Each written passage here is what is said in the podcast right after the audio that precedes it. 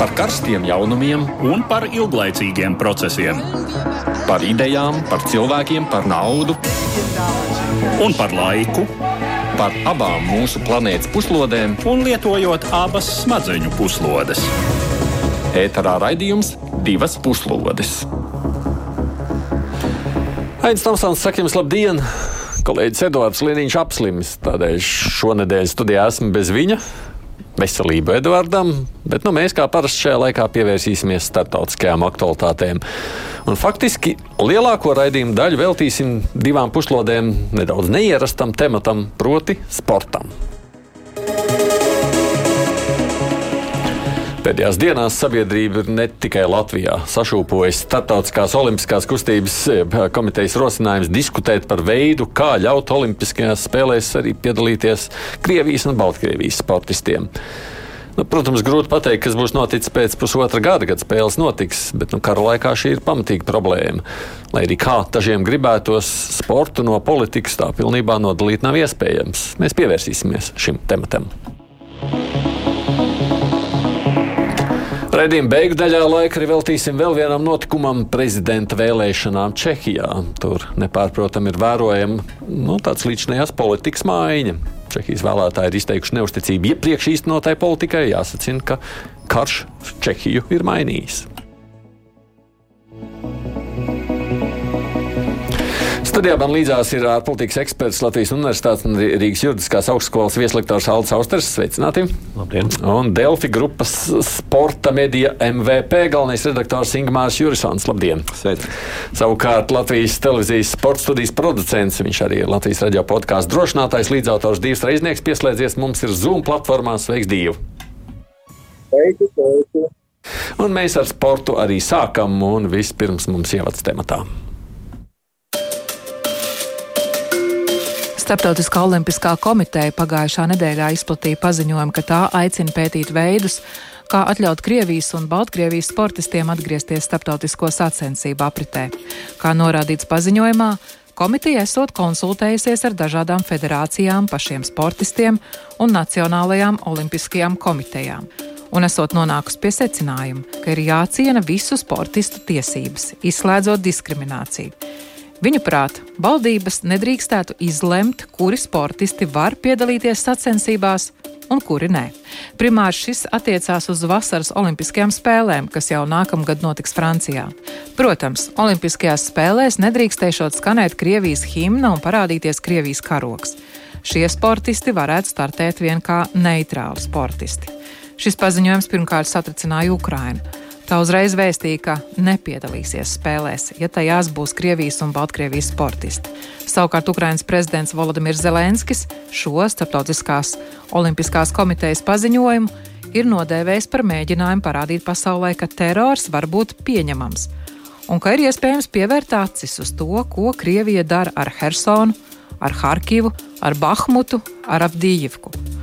Viņš arī atgādināja par 1936. gada vasaras Olimpiskajām spēlēm Berlīnē, kuras notika nacistu varas laikā, ka reiz jau ir bijusi nozīmīga olimpiskā kļūda. Olimpiskās kustības un teroristisku valstu ceļi noteikti nedrīkst krustoties.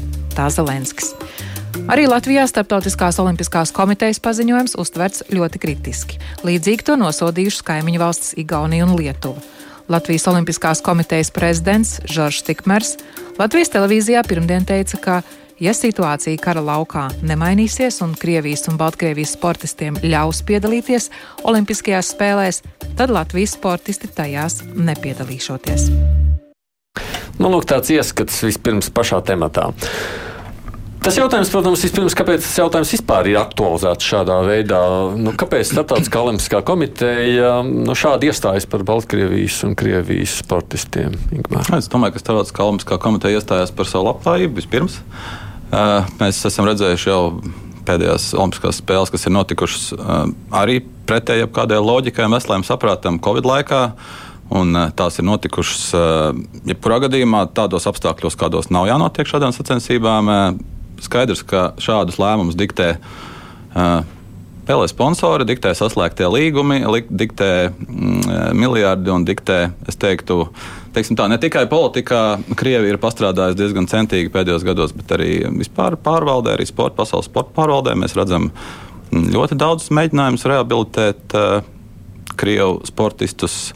Sāku, sākās tas viss, mēs visi atceramies ar dopingu jautājumiem, turpinās tas viss ar kara jautājumiem. Tas ir ļoti komplekss, situācija ir kompleksa, bet uh, uh, jā, es domāju, ka diezgan plašās aprindās pastrādās pie tā, lai uh, būtu savi advokāti šai pusē. Tas ir lobbyis, tā ir korupcija, kā daži izsaka. Jā, mēs varam turpināt, domāju, saukt šos terminus. Tas ir ļoti aktīvs lobbyis, tas ir, tā ir korupcija, un mēs redzam šos korupcijas gadījumus, kas ik pa laikam uzpeld. Mēs redzam viņus Starptautiskā futbola federācijā, mēs redzam te pašā Starptautiskā olimpiskā komitejā, un es domāju, ka laikam ejot, mēs šos gadījumus uzzināsim ar vien vairāk un vairāk, un saistībā tieši ar šo situāciju, ar 2023. gadu, es nešaubos, ka tur ir, mēs runājam tieši par šiem jautājumiem. Jā. Hmm. Divi, tu mūs dzirdi šobrīd. Es redzu, ka viņš ir. Saki, tu arī līdzīgi domā, kā tavs kolēģis. Nē, nē, nu skaidrs. Es negribu, atkārto, ne, negribu atkārtoties, kas tikko tika teikts. Es tikai gribēju uh, atgādināt, ka uh, 1920., 1924., 1948. gadā Vācija netika pielaista pie Olimpiskajām spēlēm. Es neredzu iemeslus, kāpēc, uh, lai uh, šādi lēmumi netiktu atkārtot. Tikai nu, jau pret citu agresoru šajā gadījumā Krieviju. Un Baltkrievija. Bet, nu, kari, kā zini, notiek taču pasaulē, nu, nevienā vietā un ne pirmo gadu. Nu, vienmēr jau notiek kari kaut kur. Nu, es to gribu pateikt, ka, nu, vai tas nozīmē vienmēr izslēgšanu no spēlēm sportistu? Uh, tik uh, liela, apjomīga apjomīgas intervences dēļ, dēļ kuras ir zaudējušas cilvēki, nu, neskaitām daudz tūkstoši cilvēku zaudējuši dzīvības, es pilnīgi saprotu šādus aicinājumus. Tu saproti valstu aicinājumus, bet tu saproti arī soka aicinājumu? Nē, soka, soka aicinājumu es īsti nesaprotu. It sevišķi es nesaprotu, ka, ko Baks gribēja pateikt, soka ģenerālsekretārs Baks gribēja pateikt, sakot, ka uh, tie ir apmelojoši paziņojumi. Proti, Ukraiņas aicinājums uh, ne, nepielaist Baltkrievijas un Ukraiņas sportistus uh, Olimpiskajām spēlēm. Baks atbild, tie bija apmelojoši paziņojumi. Viņš, viņš, viņš runā par paziņojumiem, sakot, ka šādā veidā Krievija, ne, šādā veidā Startautiskā olimpiskā komiteja veicina karu, jeb atbalsta karu, un to viņš negrib tādā veidā pieļaut, ka tā tas tiek interpretēts. Nu, katrā ziņā šeit noteikti var būt dažādi viedokļi, un, un katram noteikti ir savs viedoklis. Ir, ir.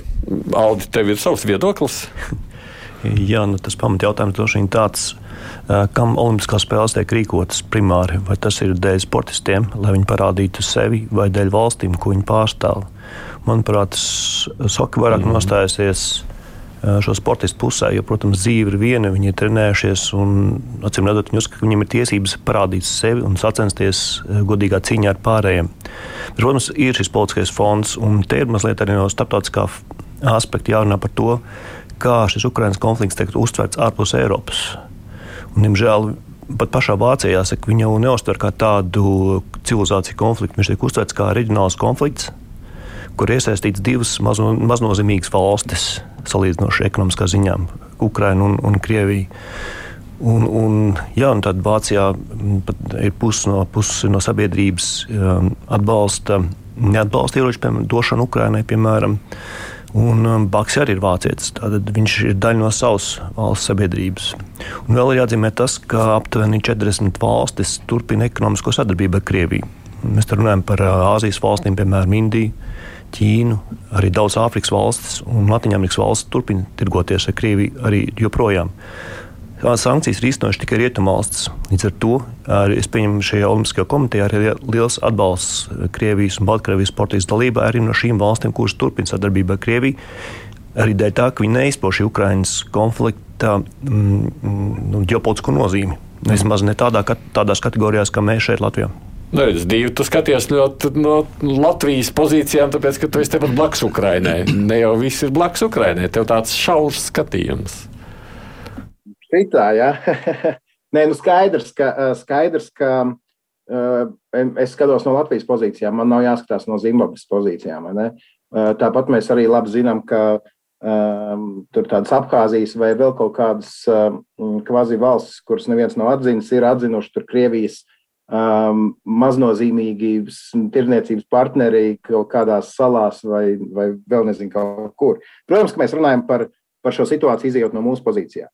Un tādā ziņā man ir vismaz prieks teikt paldies tajā virzienā, kur reti nāks teikt paldies, proti mūsu šīm jumta organizācijām, sporta, kuras visai ātri reaģēja, negaidīja kaut kādu kopējo Eiropas, Briseles viedokli, kā parasti notiek, nu, kā nereti notiek ar mūsu, mūsu organizācijām, ka šī, viņas nāca klajā ar, ar, ar ļoti skaidru pozīciju, ka mēs esam gatavi nepiedalīties, ja šīs agresoru valstu pārstāvji piedalīsies. Nu, tādā ziņā, ko vēl mēs varam gaidīt? Nu, Ingmārs, tā kā... Ingūns tā kā mazliet šaubīgi tur kratīja ar galvu, klausoties divu teiktajā par Latvijas mm, reakciju. Mm, jā, Latvijas reakcija. Teiksim tā, es mazliet skeptiski joprojām to skatos. Es gribēju tam pasakot līdzi, bet jā. no, Olimpiskā komiteja reizēm, teiksim tā, saka to, ko tajā brīdī grib dzirdēt apkārtējie, un tas varbūt īsti to brīdi bez plāna, kā to realizēt. Ir bijušas situācijas, ir kaut kāda tāda Olimpiskās vienības reforma, kur tika vispirms izsludināta un tikai pēc tam sākts domāt, kā to vispār realizēt. Un joprojām ir liels mocības ar šo jautājumu. Uh, no, kas teiksim, būtu grūti realizēt? Nu, nebrauc un viss. Nebrauc un viss, bet uh, ir saistības tai pašai Olimpiskajai komitejai, uh, kas paredz aizliedz boikotu šobrīd saistībā ar Olimpisko hartu. Uh, Un nevelti šobrīd vārdu boikots ļoti izvairās lietot Tomskā komiteja. Es domāju, ka tuvāko dienu, tuvāko dienu laikā šis jautājums tiks daudz cilāts, jo Ukraina lieto tieši šādu formulējumu. Mēs boikotēsim. Tad, kad mēs šo vārdu minam Latvijā, medijos, ir zināma pretreakcija. Ne, ne, ne, nelietos, nelietosim šo terminu, mēs vienkārši izskatām iespēju nebraukt šādos apstākļos. Tā kā, mm, kas, vārdam vainas, kas vārdam vainas? Nu, noskaidrosim, jā. Vārdam izrādās ir vainas. Eh, vismaz eh, Olimpiskās komitejas eh, kabinetos tā uzskata. Un es domāju, ka mēs, es arī labprāt dzirdēšu skaidrojumu, jo, mm, jo pats vārds ļoti nepatīk šobrīd. Katrā ziņā pret to ir pretenzijas.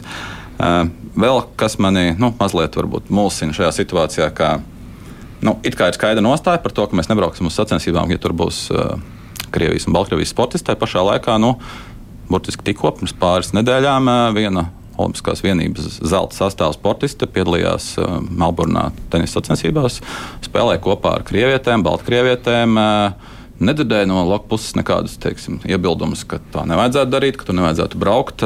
Nu, turklāt mēs zinām, ka viena no šī režīma teikt, pārstāvēm arī uzvarēja turnīrā. Un, un negluži tā, kas būtu iestājusies pret, drīzāk otrādi. Viena no teikt, kartupeļfīrera kora dalībniecēm aktīvām, un kas tālāk pēcāk, pēcāk izskanēja arī nu, paša Lukašenko teikt, ierakstītos video, kur viņš paceļ mm. glāzi uz šo uzvaru un tā tālāk. Tā kā uh, sports ir, uh, tu minēji, teiksim, ir grūti nodalīt teiksim, teiksim, tā, to sporta no politikas. Nu, Jā, to, tas ir šobrīd teiciens. ir tā, ka profesionālais lielais sports bieži vien simtprocentīgi ir politika, diemžēl biznesa un politikas. No sporta tur ir palicis ļoti maz, un mēs nevaram salīdzināt situāciju, kas bija pirms 20, 30 eh, gadiem, vai vispār pirms samaranča, kurš teiksim, iegriez šo, šo, šo, šo ruleti. Eh, un šobrīd, šobrīd eh, es domāju, visus šos noteikumus diktē ekonomika, diktē politika, diktē intereses. Un, un Baham drīzāk interesē teiksim, organizācijas, viņa paša labklājība un noslēgtie līgumi. Gan jau viņš tāpat ir dzirdējis um, um, teiksim, šīs spriedumus par to, uz kuras Vašingtona, Parīze, Londona vai Berlīna būs pirmās, kuras metīs uh, atombumbu un tā tālāk. Tā kā es domāju, ka nu, tik prasti arī droši vien nav, ka, viņi, ka to var uztvert kā lokālu konfliktu. Es pieņemu, ka tomēr um, pamazām jau gadu laikā civilizācija ir sapratusi, ko nozīmē Krievija, ne tikai Baltija un vispār. Pamazām sāk saprast, teiksim, tā sapratusi vēl nav. Tas ir acīm redzami visos šos ieroču jautājumos un visos pārējos. Mm, jā, bet redziet, tas, ko sacīja Austers Aldis, divi, sakot, ka nu, komitejai jādomā primāri būtu par sportistiem. Nu, sportistu intereses jau ir, nu, kā sportisti grib piedalīties un spēlēt, vai ne tā? Ja mēs paskatāmies pēdējās Olimpiskās spēles, tad ir bijuši, un te man Ingūns noteikti palīdzēs uh, precizēt, bet ir bijuši uh, gadījumi, man liekas, ar Baltkrievijas sportistiem, kuri tur ir piespiedu vesti atpakaļ pēc tam pēc ne, nevēlamiem izteikumiem. Un, un šī tenisiste, kas uzvarēja Austrālijā Open, um, tur precizēsim, viņa bija no tiem, ja, ja Baltkrievijā 20. gadā bija uh, tāda atsevišķa vēstule, kur parakstīja vairāk kā 20 tūkstoši Baltkrievijas sportistu, kuri aicināja teikt, Lukašenko atkāpties, ievērot demokrātiskos principus un tā tālāk, mm, tad mēs zinām, ka ļoti, ļoti lielas problēmas šiem sportistiem pēc tam bija Baltkrievijā. Tā skaitā viņu visu laiku leģendārākā basketbolista pavadīja Okrestina cietumā vairākus mēnešus. Savukārt šī tenisiste, kas nu padās uzvarēja Austrālijā Open, bija, nu kā, ja ir vēsture, sportistu vēstule Baltkrievijā pret Lukašenko, tad pilnīgi skaidrs, ka būs sportistu vēstule Baltkrievijā par Lukašenko. Un šī te tenisiste bija viena no tām, kas parakstīja šo Lukašenko atbalstošo vēstuli. Līdz ar to skaidrs, ka politika un, un, sportisti, un sports uh, absolūti nav uh, šādās valstīs uh, nodalāmi. Katrā individuālajā piemērā. Protams, ka tā ir individuāla traģēdija. Kā mēs zinām, Valdis Valters vēl aizvien mīl atminēties atkal un atkal par to, ka viņš būtu olimpiskais medaļnieks, ja vien viņi būtu bijuši aizbraukuši uz Losandželos. Skaidrs, ka, ja tu esi veltījis tur visu mūžu savai, savai iemīļotai nodarbei vai tādai nodarbei, ar kur tu ceri sasniegt kaut kādus ievā, ievērojamus panākumus, Un, ja tu netiec uz šīm olimpiskajām spēlēm, protams, ka šī ir cilvēciska traģēdija. Bet tad ieliekam to kontekstā ar uh, visas nācijas traģēdiju. Traģēdija, kur mēs redzam, ka uh, viena valsts cenšas iznīcināt otru valsti. Nu, tad, ja mēs liekam uz svaru kausiem šādās kategorijās, tad man liekas, ka, nu, jā, diemžēl dažas individuālas traģēdijas, tām jāpiekāpjas ir vienas nācijas izdzīvošanas traģēdijas priekšā. Nu, no otras puses, ir jau tā līnija, nu, ko sportists var izdarīt tādā Krievijā, Baltkrievijā. Nu, viņam ir jāpakļaujas tam režīmam, ja citādi ne, nevar jau tur izdzīvot. Nu, mēs paši esam, mūsu valsts arī bijusi tādā situācijā. Jā, nu. Ir kas pakļaujās, ir kas eh, pielāgojās, ir kas eh, atbalsta, ir kas šādā veidā gūst sev priekšrocības. Uh, Domāju, ka ļoti daudz eh, režīmu piekritēju aizbrauktu, aizbrauktu uz šādām spēlēm no Krievijas. Turklāt mēs vienu svarīgu lietu aizmirstam. Šis jau nav tukšā vietā, nerodās. Tas eh, nav eksperiments. Krievija nav piedalījusies jau vairākās Olimpiskajās spēlēs, un tas galvenais iemesls nav nekāds politisks iemesls. Ir, eh, Valsts, valsts sistēmas līmenī izkopta dopinga programma, par kuru nebūsim naivi šī gada laikā nu, neviens nav piestrādājis pie tā, lai to kaut ko mainītu. Es domāju, ka viss ir tieši pretējā virzienā noticis. Tam vajadzētu būt atskaites punktam. Dopinga, lieta, dopinga situācijā jau nekas nav mainījies. Kaut vai no šīs viedokļa spriežot, Krievijas sportistiem spēlēs joprojām lielajās sacensībās nu, nevajadzētu atrasties. Otra lieta, ja mums saka, ka būs neitrālo sportistu status, tad nu, tas, manuprāt, arī ir smieklīgi. Jo, jo nu, tāds principā neeksistē. Krievijā, Padomju Savienībai, Krievijai sports vienmēr ir bijis instruments, uh, lai piesaktu teikt, savus, savu nespēju daudzos jautājumos. Uh, nu, rūpniecības nav, dzīves līmeņa nav, nekā nav, bet mums ir lielās uzvaras sportā, kuras tiek uh, sekmētas ar dopingu. Tā ir tā vīģis lapa, ar ko piesakties savu cilvēku priekšā, un, un nekas jau nav mainījies arī šodien. Ja viņi aizbrauks uz Parīzi, tad ar šīm medaļām tiks celta režīma tā teikt, režīma akcijas tautas acīs, un tie nebūs nekādi neitrāli sportisti. Mēs to par Lukašenko jau pieminējām. Lūk, viena neitrālā sportista ar balto karogu uzvarēja, ko visa Baltkrievija līksmo, kā mēs viņus, kā mēs tos rietumus sakām. Tā kā, nu, nu, baltais karogs, nu, es teiktu tā. Baltajam karogam vajadzētu plīvot virs Kremļa, nevis pie Eifeļa torņa šajā gadījumā. Zelti klausāmies tāds mans sporta kolēģis, un ir tāda, vai nu ne bezspēcības sajūta, bet nu, tāda ārprātīga vilšanās, vai ne, ka tā. Un kas sportā izrādās politika, tiek rulēta vairāk un nepavisam netik skaisti, kā mums gribētu. Ko lai dara? Jā, bet svarīgi, e, bet šīs diskusijas ļoti svētīgas. Vismaz no tā viedokļa, ka tās ļauj dziļāk izprast sporta būtību un to, kā sports, sporta rezultātiem tiek manipulēts. Un es, protams, piekrītu kolēģiem, un ir skaidrs, ka kamēr Baltkrievija un Krievija nevar nodrošināt vienlīdzīgu un taisnīgu savu sporta komandas izvēli, kurā iespējas visiem sportistiem, viņu pilsoņiem, tie, kur iebilst režīmam, piedalīties un nonākt šajās sacensībās.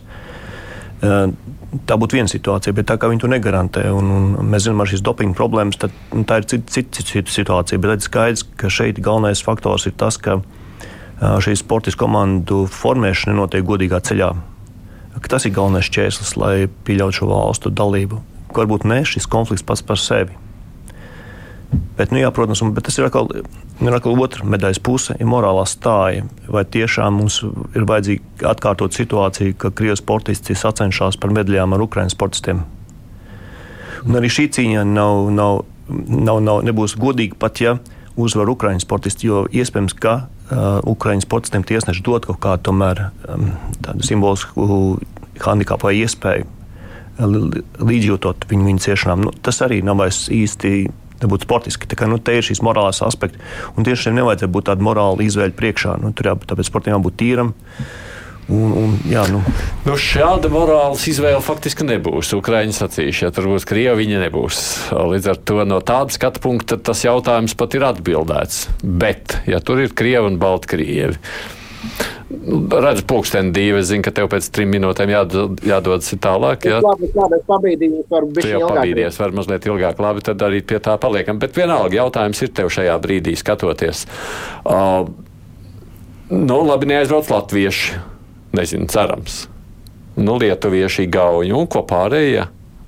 Tavuprāt, tavuprāt, kāda būs pārējā pasaules reakcija? Nu, es domāju, ka skandināvi tur pēc noklusējuma varētu, redzot, ja baltieši nebrauc, es domāju, ka tas nostrādātu skandināviem, precīzāk, skandināvu sabiedrību. Ja man kaut kā tāda šā, šāda pārliecība ir. Franči visdrīzāk brauks savu Francijas, Francijā notiekošo olimpiādu, par, par Eiropas dienvidiem nezinu. Poļi noteikti nebrauktu, noteikti. Tagad Čehi, zinot prezidenta vēlēšanas jaunās, kur, kur viņai Ukrainas, Ukrainas pro-Ukrainas pozīciju. Tas, tas arī, ja tāds ir tas jautājums. Bet, bet kopumā man, man vienalga, ko dara citi. Man ir svarīgi, kāda ir Latvijas nostāja. Vai mums ir mugurkauls, vai mums nav mugurkauls. Var jau būt, ka mugurkauls ir tieši braukt. Izvēlēties braukt. Varbūt tā domā lielākā daļa sabiedrības. Es tagad negribu, negribu uzņemties kaut kādu sabiedrības rupora lomu šajā brīdī. Bet eh, man vienkārši nu, nu, patās šonadēļ mums būs eh, rītdien drošinātājā, podkāstā drošinātājs mums būs uh, intervija ar Baltkrievieti. Pirmo reizi mēs parasti ar Ukraiņiem runājam. Un mēs norunājām, ka tas divas stundas viņa pati izbraukusi šobrīd ārā no Baltkrievijas. Tur pret viņu uh, bija ierosināta krimināllieta vienkārši par to, ka viņa ģimenes čatā bija nošērojusi neatļautu mēdīju vienu ziņu ģimenes čatā, nevis kaut kur. Un tad es viņai prasīju par to kopējo sajūtu pēc tam, kad viņi ir tikusi laukā no Baltkrievijas un šobrīd atrodas Eiropā. Viņa saka, viņas vārdi ir, ka tā sajūta ir tāda, it kā es būtu tikusi laukā no maniakāla slepkava pagraba, kurā es biju turēta visu laiku. Jā, no ārpuses maniaku mājas varbūt izskatās skaists, sakopts un tam līdzīgi. Bet neviens nezina, kas notiek pagrabā nu, lūk, šis cilvēks, kurš eh, bija šajā pagrabā, tagad ir laukā, un viņam nav nekādas vēlmes redzēt Baltkrievu kaut kādas eh, uzvaras olimpiādē, kas ļautu Lukašenko celt atkal glāzīt, tāpat kā viņš cēla pēc Austrālijas Open fināla. Ingūna, tavuprāt, kā, tad, kā tu redzi to pasaules reakciju, ko šīs izšķiršanās varētu likt, kuram kā reaģēt? Es domāju, tas būs individuāli. Vēl noteikti divas nepieminēja Lielbritānija. Es domāju, varētu būt diezgan izteikti viena no lielajām un tiešām parasti tām top 5 komandām, kas varētu arī mm -hmm. neaizbraukt. Par Ameriku, protams, jautājums, bet uh, es domāju, ka šis ir diezgan liels pavērsiens, pavērsiens punkts Olimpiskajām spēlēm vispār. Olimpiskās spēles kā, kā struktūra, kā, kā, kā, kā fórums, uh, teiksim tā, morāli tuvojas bankrotam jau diezgan ilgu laiku ar visiem šiem Covid laika spēlēm, ar visiem šiem eh, sponsoriem, ar visiem eh, tieši tā Krievu, Krievu mm, attaisnojošiem gājieniem un tā tālāk. Mm, es domāju, ka šeit var pašķīst pavisam tas šķīvis. Domāju. Es domāju, ka Jo tā tīri no sporta, lielā sporta viedokļa, Olimpiskās spēles kopumā zaudēja savu nozīmi jau Jā. diezgan sen. Mm. Um, ir vairāk sporta veidi, kuros tās vairs nav galvenās sacensības, ir vairāk sporta veidi, kuros tās ir pat ļoti nenozīmīgas sacensības, tas pats futbols. Kā, uh, viss ir gājis loģisku ceļu, un iespējams, ka šis ir diezgan liels grūdienis tajā virzienā, lai arī miljardu sponsori pārskatītu savus ieguldījumus. Šajā gadījumā tas varētu nozīmēt diezgan lielu krahu vispār kustībai kā tādai. Tāpēc es pat neskatītos uz to, vai mēs braucam uz Olimpiskām spēlēm vai nebraucam. Es domāju, ka šeit primāri ir um, neiziet uz nekādiem kompromisiem ar sirdsapziņu, izturēt savus, pieturēt, nodeklarēt savus principus un pie tiem pieturēties un nepārdzīvot par to, ka mēs nebūsim vienā sporta formā, kas, kam ir dots nosaukums Olimpiskās spēles. Mm. Sportisti nekur nepazudīs. Sportisti ir profesionāļi, viņi darbojas, un viņiem nākamajā gadā būs viņa pasaules čempionāti, Eiropas čempionāti, viss pārējais. Tās ir tik ļoti, ļoti nozīmīgas lietas uz tā fona, kas šobrīd notiek Ukrajinā, ka to nespēja saprast tikai ļoti virspusēji un sekli cilvēki, un tā skaitā sportisti. Tā kā, ja kāds to nespēja saprast un kāds par to mm, skaļi iebildīs, mm, nezinu, mums ir precedenti. Cilvēki maina pilsonības, maina valsts pārstāvniecības. jā, jā, šajā ziņā tas man bija tas jautājums, kā tev šķiet, varētu būt. Nu, jūs abi ar divu zināt, mazliet sporta pasauli vairāk nekā es. Varētu būt, ka kādi no sportistiem saka, labi, ja valsts nebrauc, es kļūstu par, nezinu, par ko un braucu. Bet mums ir nu, labi, negluži pilsonības eh, maiņa, bet mums ir precedents ar Maiju Briedi, kurš bija varonis, un šobrīd viņa nav. Es nezinu, vai Latvijas sports ir ļoti jūtās uh, sabrucis un uh, zaudējis. Es domāju, ka precedents varētu būt. Tas nav tehniski tik viegli izdarāms. Tas nav tā, ka šodien es esmu Latvijas pārstāvis un rīt es pārstāvēšu Turciju un startēšu. Tur tomēr ir zināms laiks paredzēts, kas kas ir šīm, šīm pārmaiņām jāaiziet cauri. Bet, ja kāds to vēlās darīt, lai viņš to dara, viņš ir cilvēks ar savām izvēlēm, un, bet lai rēķinās ar sekām arī nu, teiksim, mājās. Divi tev arī šķiet, ka nu, vienkār, jūs vienkārši zināt sporta pasauli labāk. Es saku, es nevaru spriest par šo. Jā, nē, nē, Ingūns noteikti zina daudz labāk par mani, bet uh, skaidrs, ka ir gana daudz gadījumu, kad uh, cilvēki maina uh, savu pilsonību. Nu, nu, patās mūsu skeletoniste uh, nomainīja pilsonību uz Igaunijas pilsonību, jo vienkārši nu, Latvijā šeit nebija tādas iespējas, kādas viņi gribēja. Nu, Tāpatās, ja mēs zinām, ka tad, kad Sočos notika, notika Olimpiāda, Krievija ļoti aktīvi strādāja pie tā, lai piedāvātu savu sporta pilsonību ārzemju sportistiem. Nu, un, un, un tad nu, viņiem tur šortrekis šķiet gan daudz medaļas sagrāba, gan, gan snowboardists pārstāvot Krieviju, bet dzimuši visi ārzemēs. Uh, Tagad, tagad principā, ja tu esi labs sportists un neatbalsti Putina režīmu un, uh, vai, vai Lukašenko režīmu, nu, tev ir uh, iespējas mēģināt pārstāvēt kādu citu valsti, nu, no, ja mēs par to runājam. Aldi, tavuprāt, Cik šis jautājums būs politiski aktuāls tuvākajās dienās, un cik tur varētu iesaistīties arī šajā spriešanā nu, ne tikai Baltijas valsts politiķi, jo Baltijas valsts politiķi tajā jau ir iesaistījušies un jau ir apsprieduši. Mēs redzam arī tikko paziņojumu pēc tam citu valstu. Nu, man tā sajūta saka, ka tas nekļūs par ļoti par nozīmīgu sarunu tematu tuvākajās dienās, jo tomēr vismaz tehniski sports ir šķirts no politikas. Politiķiem nebūtu jājaucās. Tā ir sportistu kopienas. Tas ir sportistu kopienas jautājums, kāda būs viņas nostāja šajā, šajā mm. jautājumā, kas ir rosināts par, par divu agresoru valstu dalību sporta spēlēs Olimpiskajās. Tā kā, jā, nu, politiķi, protams, var manipulēt ar finansēm piešķīrumiem, Bet ne visās valstīs arī šie sportisti ir tik atkarīgi no valsts piešķīrumiem. Ir sponsori, uzņēmumi. Bet vienreiz mūsu prezidents vai kas ārlietu ministrs tikās vai ne, un tagad apspried šo jautājumu, nāca ar paziņojumiem, tavuprāt, tas ir nepieņemami? Nē, tas ir, ne, tas ir pareizi, tas nav aizliegts. Bet eh, sportistiem tas šie paziņojumi nav saistoši. Tas nu, nebūs saistoši arī eh, Nacionālajām olimpiskajām komitejām, nedz arī Starptautiskajai olimpiskajai komitejai. Tā vienkārši ir eh, pieņemt zināšanai.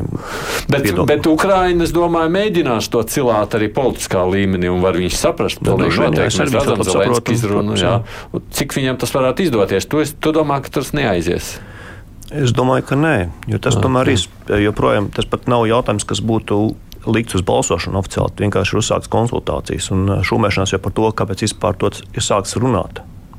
Kā es to saprotu no Olimpiskās komitejas puses. Pat Olimpiskā komiteja to ir faktiski nu, inicijējusi. Nu, šo situāciju, vai ne? Nu, tā situācija, jā, līdz ar to nu, īsti vēl tā policija iejaukties būtu pāragri. Ja tas tomēr būtu jādara tikai tad, ja būtu jautājums uz balsošanu. Mm. Divas ir gatavas, ko teikt, es redzu. Nē, nē, man liekas, ka tā lietas, lietas secība jau bija tāda, ka vispirms Ukrāņi pateica, ka viņi nu, aicina, aicina nepielaist Baltkrievas un Ukraiņas, un, un, un Olimpiskā komiteja atbildēja. Skaidrs, ka uh, SOKS būtu pārlaimīgs, Startautiskā Olimpiskā komiteja būtu pārlaimīga, ja šādi jautājumi nebūtu nepaceltos.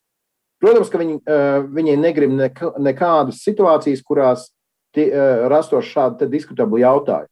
Loģiski, bet savukārt Ukraina, kāpēc to dara? Tāpēc, ka viņi mēģina, um, ja mēs redzam, ja viena lieta, ko droši vien um, lielais vairums atzīs, ko Ukraiņa dara perfekti, tas ir um, šie Zelenska ziņojumi uh, ASV kongresā, Britu parlamentā, Eiropas uh, parlamentā, Latvijas parlamentā. Viņi, uh, viņš nesaka vienu un to pašu, tā kā to darīt varbūt kāds, nezinu, slings politiķis vai bez izdomas. Parasti vienmēr tiek atrasts uh, precīzākie vārdi tieši šai konkrētai publikai, vai tiek atrasts jauni veidi, kā piesaistīt uzmanību uh, Ukraiņai. Jo tas ir viens no uh, viņu uh, izdzīvošanas jautājumiem, lai šī uzmanība uz Ukraiņu būtu. Lai tas nekļūtu tieši tā kā, uh, tā kā kolēģis teica, lai tas nebūtu, netiktu uztverts kā par kaut kādu reģionālu konfliktu starp divām mazsvarīgām valstīm. Tāpēc viņiem šis eh, ir PR jautājums. Viņiem ir jārunā par to, un tālāk jau viss pavalkās, pavalkās vai nepavalkās līdzi. Jums abiem kolēģiem tas pēdējais jautājums faktiski. Kad tas viss beigsies, jūs prāt? Nu, kā tas, ka, ko mēs redzēsim, nāko, nā, ko mēs redzēsim nākošā gada vasarā, tavuprāt? Divas pa priekš pēc tam Ingvērs. Būs, nebūs, nu, pieļaujot, ka karš turpinās. À, es domāju, ka karš būs, nebūs. Nē, nē, nē. Sporta spēlēs būs krievi, nebūs krievi.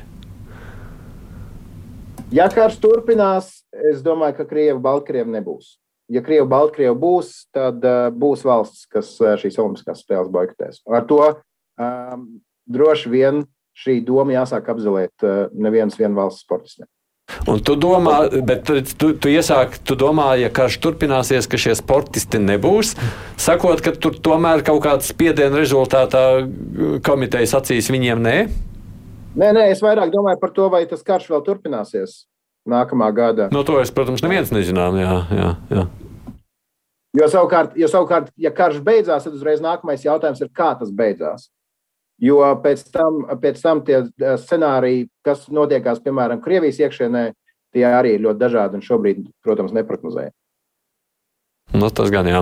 Ingūna, kā tev šķiet, es, protams, runājam, kā būtu, ja būtu. Jā, protams, bet diezgan līdzīgi. Es domāju, ka viss turpināsies. Es domāju, ka Soka būs spiesta pieņemt lēmumu par to, ka Krievijas un Baltkrievijas sportisti netiek pielaisti, jo tā reakcija jau šobrīd izskanējusi, un es pieņemu, ka arī turpinājumā būs pietiekami liela, lai viņi saprastu, ka negatīvais PR un iespējamās sekas būs sliktākas nekā, nekā situācijā, ja tiks tiktu realizēts šobrīd pieteiktais scenārijs. Tas nozīmē, ka tad būtu jāseko tādiem pašiem kaut kādiem līdzīgām reakcijām kā no Latvijas, Lietuvas, Igaunijas, tālāk no Polijas, tad Skandināvija, piemēram, Lielbritānija. Nu, protams, tur būtu jāiet tālākai ķēdītei. Tieši tā, es domāju, ka to ķēdīti šobrīd vismaz neoficiālā līmenī mēģina saprast. SOK Lozānā mēģina saprast, kas, kādas ir iespējamās sekas tam, ja startētu. Un es domāju, ka tās pirmās reakcijas, kas ir bijušas, viņiem rāda, ka būs tā ķēdīte. Es domāju, ka ar to šobrīd jau ir spiest rēķināties eh, Lozanājām. Tā tas mans kopsacinājums no mūsu šīs eh, sarunas ir, nu, te ir tāda cīnīšanās starp biznesu, naudas interesēm un, un politisko kaut kādu godprātu.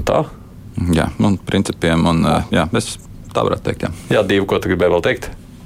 Un morāli. Un morāli? Paldies, Diev, paldies, ka tu atradi laiku pieslēgties mums un savus plānus pārbīdīji mazliet tālāk nekā tev tas sākumā bija iecerēts.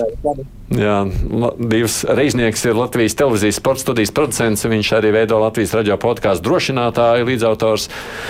Ingūns Jursons vispār vada Delfa grupas sporta mediju MVP. Viņš ir galvenais redaktors, bet viņš paliks šeit un paklausīsies vēl vienu tēmu, jo mēs ar Alti paliekam studijā, turpinot par lietu, par ko mums negribas galīgi ignorēt. Tāpēc mums nav sanācis runāt vienkārši par Čehijas prezidenta vēlēšanām.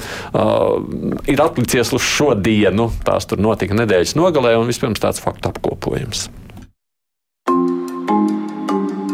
Kad janvāra vidū notikušajās Čehijas prezidenta vēlēšanās neviens no kandidātiem neieguva nepieciešamo 50% vēlētāju atbalstu, Kļuva skaidrs, ka otrajā kārtā cilvēkiem nāksies izšķirties starp diviem diezgan pretējiem politiskajiem uzskatiem. Gandrīz līdzvērtīgu atbalstu 35% bija ieguvuši divi prezidenta kandidāti. 61 gadu vecais armijnieks, kādreizējais Čehijas armijas ģenerālštāba priekšnieks Petrs Pavels un bijušais premjerministrs, biznesmenis un viens no bagātākajiem Čehijas cilvēkiem - Andrejs Babišs. Babišs tiek raksturots kā populists, kurš spējas iemantot vēlētāju uzticību ar labām runas dāvanām. Savukārt Pāvels, kā jau armijas cilvēks, nav bijis tieši saistīts ar politiku. Līdz ar to daudzi viņu uztvēra kā politiski neitrālu kandidātu. Lai arī Čehijā, līdzīgi kā citvietā Eiropā, netrūkst ekonomisko izaicinājumu, šajās vēlēšanās būtiska nozīme bija karam Ukrainā. Tieši karš bija kā katalizators, kādēļ daudz izšķīrās balsot par vienu vai otru kandidātu.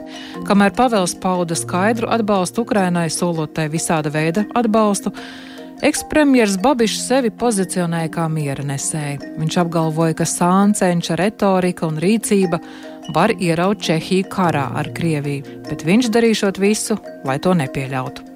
Tomēr nedēļas nogale parādīja, ka Čehijas pilsoņu nepārprotams simpātijas ir Ukrainas pusē. Vairāk nekā 58% nobalsoja par Pavelu, kamēr par Babišu vien nepilni 42%. Turklāt vēlētāju aktivitāte izrādījās neierasti augsta un sasniedza 70%. Kā ierasts pēc vēlēšanām, daudzi steiguši apsveikt jauno prezidentu. To izdarīs arī Ukrainas prezidents Volodimirs Zelenskis savā Twitter kontā ierakstot čehu valodā sveicienu un reizē paužot cerību uz personīgo sadarbību Ukrainas un Čehijas tautu labā un vienotas Eiropas interesēs. Pāvils nomainīs prezidenta amatā Milošu Zemanu, kas līdz Krievijas atkārtotiem iebrukumam Ukrainā centās veidot ciešākas attiecības ar Maskavu un Pekinu. Viņš arī bija paudis atbalstu Babišam. Vēl jāpiebilst, ka par Babišu balsoja Ungārijai tuvie pierobežas rajoni. Un daudzi komentētāji norādījuši, ka Babišu uzvaras gadījumā Eiropā būtu vēl viena prokrieviski noskaņota valsts. Divas puslodes. Atgādījums studijā kopā šeit ar mani arī ārpolitikas eksperts Latvijas Universitātes Rīgas juridiskās augstskolas vieslektors Alans Austers. De, vispār domājot par to Čehiju. Iepriekšējos gados, kad valstī noteica to un Babišs un Zemans, man jau likās, ka Čehija virzās turpat, kur Ungārija tajā virzienā. Kāpēc beigās tomēr tā nav noticis? Nu, tas ir. Um, Nu, Čehija savā ziņā ir tāds interesants stāsts pretmets Latvijas ekonomiskai attīstībai pēc, pēc neatkarības atjaunošanas. Um, arī Čehijā dzīves līmenis, protams, bija augstāks nekā Latvijā tajos gados, bet, bet, bet arī diezgan aplikusi valsts. Un, un šogad laikā viņi sasnieguši ļoti daudz. Un, taču atšķirībā no Latvijas, Čehija nav piedzīvojusi lielu emigrācijas vilni, kas ir iespējīgi, ja salīdzinām šos rezultātus. Mm -hmm. Un, un, un tas liek uzdot jautājumu, kā darbojas politiskā sistēma. Un, un iespējams tā situācija, ka Čehijā divus, divus gadu desmitus prezidenta amatā bija, nu, varētu teikt, eiroskeptiski personības, antiliberālas personības. Varbūt tas ir kaut kādā mērā ļaus novadīt šīs sabiedrības nepatiku pret liberālajām reformām un tām pārmaiņām, ko nes dalība NATO un Eiropas Savienībā. Un kaut kā to visu norīt. Jo mūsu gadījumā, Latvijas un Baltijas valsts gadījumā, nu, mums tomēr tās gan prezidenti, gan, gan, gan, gan parlamentos ir dominējušas šīs uh, proeiropiskās vērtības, un, kuras daudz, daudz Latvijā mūsu sabiedrībās nesaprot un nespēja viņam sadzīvot. Viņi, viņi jūtas neuzklausīti un uh, jūtas vilšies. Varbūt arī tāpēc uh, vieglāk padavās emigrācijai. Viņam zemāks tā, tāds tā kā zibenis novedējis. Es teiktu, jā, un viņš bija ļoti populārs. Citu, uh, jā. Viņš bija ļoti vulgāra personība patiesībā. Jā. Un tāds nu, vienkārši kohoz priekšredātājs, varētu teikt, tāds tipāšs kā mūsu kauls. 90. gados. Un, un jā, viņš, viņš spēja uzrunāt cilvēkus. Viņš, viņam patika iedzert, viņš varēja aiziet uz krodziņu. Nu, cilvēki viņu asociēja kā savējo, ka viņš ir daļa no mums. Un viņš ir labs tādā, tāpēc, ka viņš ir labs teisos vienkāršības.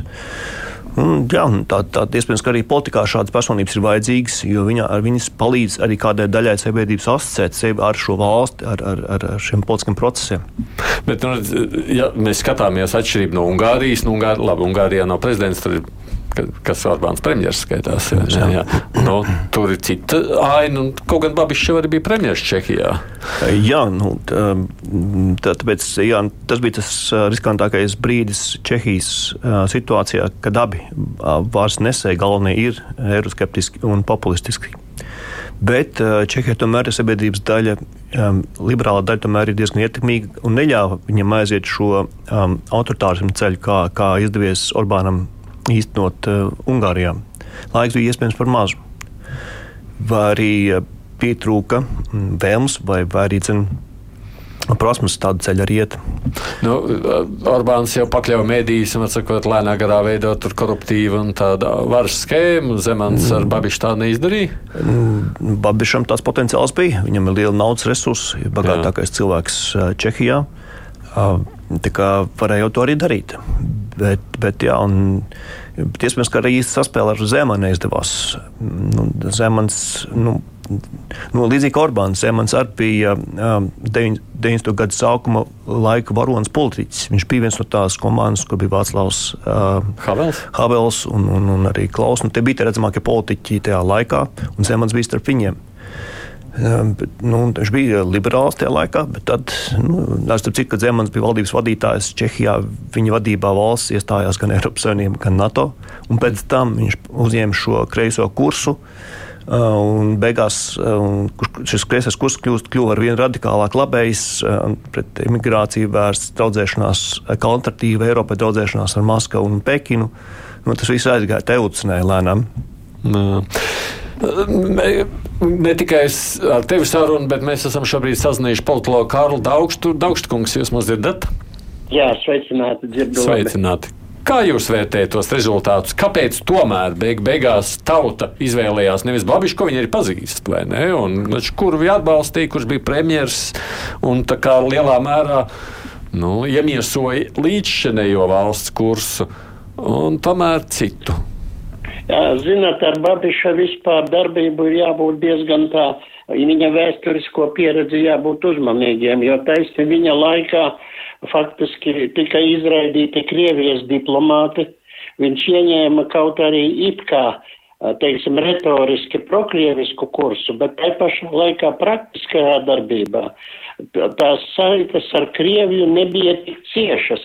Un mēs atcerēsimies tos daudzos nesaskaņas ar uh, uz spridzekļiem un spridzināšanām un tā tālāk. Tā, kā, tā ir tāda, ziniet, spēle. Babišam nav pēc manām domām kaut kādas ideoloģiskās pieskaņas. Viņu interesē vara un nauda.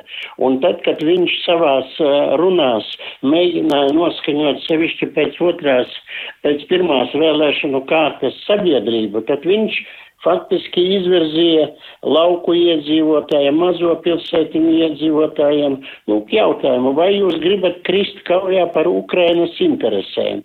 Un tas viņam tomēr neizdevās to realizēt, jo uzvarēja, manuprāt, ļoti spilgta personība, kura izmainīs ģeostrateģisko Čehijas nostāju Eiropas kontekstā, un šeit var pat, teiksim, stimulēt tāda Eiro, NATO flanga, austrumu flanga jaunu konfigurāciju, kurā būtu Polija, Baltijas valstis un arī iespējams Zviedrija un uh, Somija. Kā... Bet, bet, bet pirms jūs turpiniet par jauno prezidentu, protams, par to arī jautāšu, tad jūs sakāt, ka iespējams paša, nu, viņa konkurente Babiša tā problēma bija tieši šīs ideoloģijas trūkums? Es domāju, ka Babiša, tā nav Babiša problēma, tā ir tā sabiedrības problēma arī pie mums vispār. Vai populistiem ir iespēja uzvarēt? Un daudzi saka, ka populistiskās noskaņojums, ka tā dzīves, gāzes cenas, maizes cenas un tā tālāk, ka visas šīs problēmas kļūst par politiskajām problēmām, bet šīs politiskās problēmas pēkšņi sāka ietekmēt ārpolitiskie notikumi vienā no kaimiņu valstīm vai, vai divu kaimiņu valstu starpā. Apdraudējums nāk eksistenciāls, un šis eksistenciālais apdraudējums pēkšņi atmodināja gan atmiņas par 68. gadu, par uh, Havela nostāju, par Brežņeva doktrīnu un tā tālāk. Tas radīja tādu noskaņojumu, kas uh, bija par labu Eiropas virzienam uh, Čehijas politikā. Nenolieciet tikai klausulis, vēl Raustara kungam jautājot, vai mēs varam sacīt, ka Čehija nu, tagad ir tāda ļoti pro-ukrainiska, jeb nu, ka viņiem ir tādas lielas simpātijas skatoties uz notiekošo. Es pilnībā piekrītu, jā, jā. tuvākajos četros gados tā ir būs. Um, protams, tie 40%, kur balsoja par Babišu, viņi jau neko nepazudīs.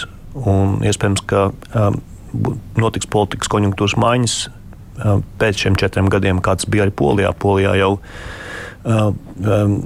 Taisnīguma partija jau, jau viņiem ir otrais termiņš. Viņi, viņi uzvarēja, tad viņi zaudēja, un viņi atkal atgriezās, atgriezās ar, ar uzvītu. Nu, tas scenārijs arī nav izslēgts. Čehijas gadījumā. Nē, protams, viss nākotnē var notikt, bet skatoties, mēs iepriekš runājām par sportu iepriekš, vai ne?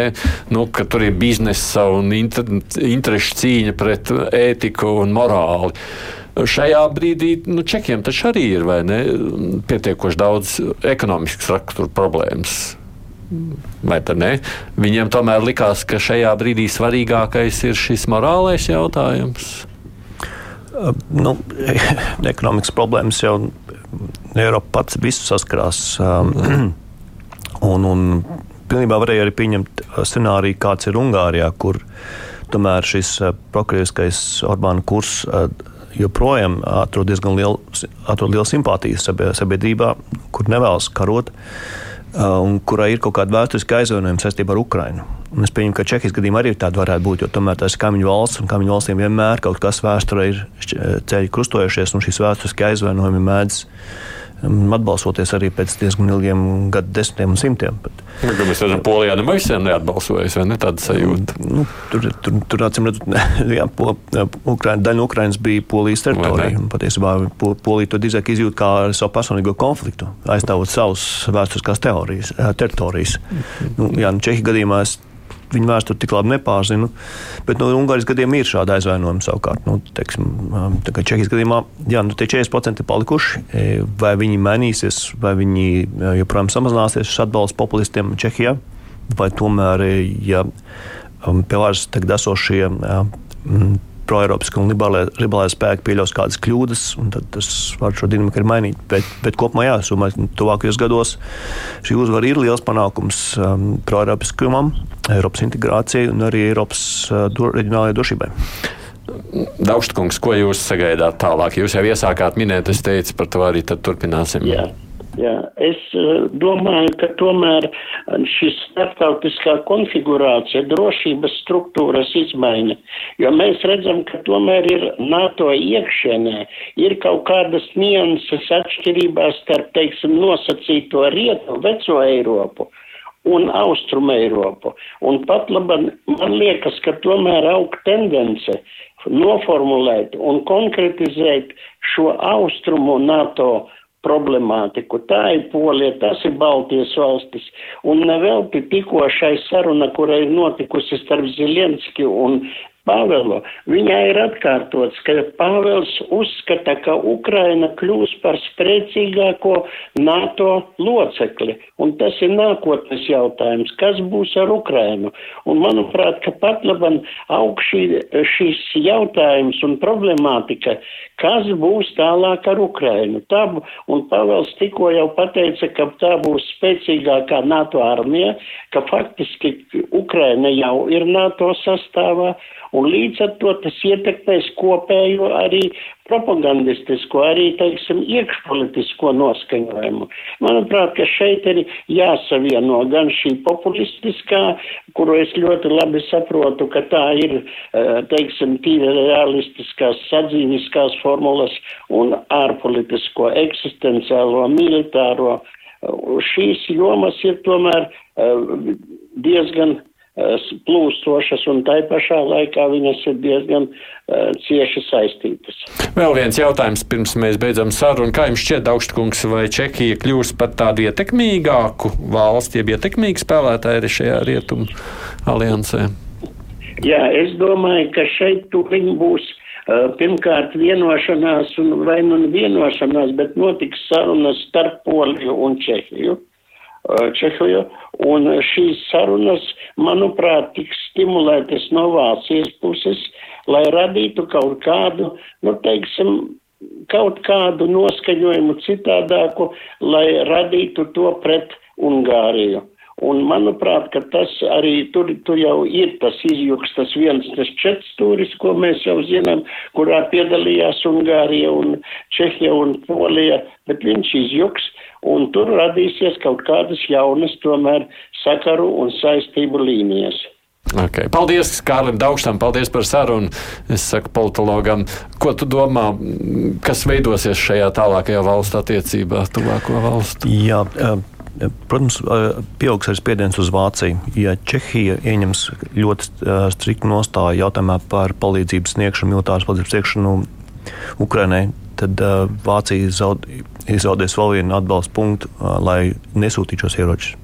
Bet pats interesantākais būs, uh, kāda šīm vēlēšanām Čehijā būs ietekme uz nākošā gada vēlēšanām Polijā. Jo Polijā ir parlamenta vēlēšanas, ja nemaldos, um, nākamā gada rudenī. Mm -hmm. Un tad jautājums, vai, vai poļu sabiedrība būs gatava arī šādam solim, um, tomēr atteikties no, no populistiem valdībā un tomēr izvēlēties. Um, teikt, šo, viņ, viņam ir pilsoniskā platforma, jā, iet, iet teiksim, sniegt atbalstu šiem politiķiem, kuriem tomēr mm. šis tiesiskuma jautājums ir, ir, ir, ir prioritāte. Pār, nu, par Poliju vispār būs interesanti atsevišķi saruna, tikai pabeidzot par Čehiju, man būtībā mazāk par minūti. Mēs par Pavelu to jauno prezidentu, viņš ir liberāls, konservatīvs savos uzskatos. Mēs vairāk zinām, viņš ir armīnieks, un tas ir un pret Krieviju. Jā, nu, tas, tāpat kā Zelenskis arī ne, nebija nevienam plaši pazīstams. Um, nu, Zelenskis izrādījās veiksmes stāsts. Nu, es ceru, ka arī ka šis būs veiksmes stāsts. Vismaz uh, tās pozīcijas, kur esam dzirdējuši, ka viņš atbalstošs ir, uh, ir, ir geju kopienas tiesību uh, Kā, tas ir drīzāk tāds liberāls. Es teiktu, liberāls, jā. Liber, liberāls tajā nostājā. Nu jā, Polijā savukārt karš neapšaubām ir būtiski ietekmējis to iekšējo noskaņojumu, un par to ja mums nāksies runāt.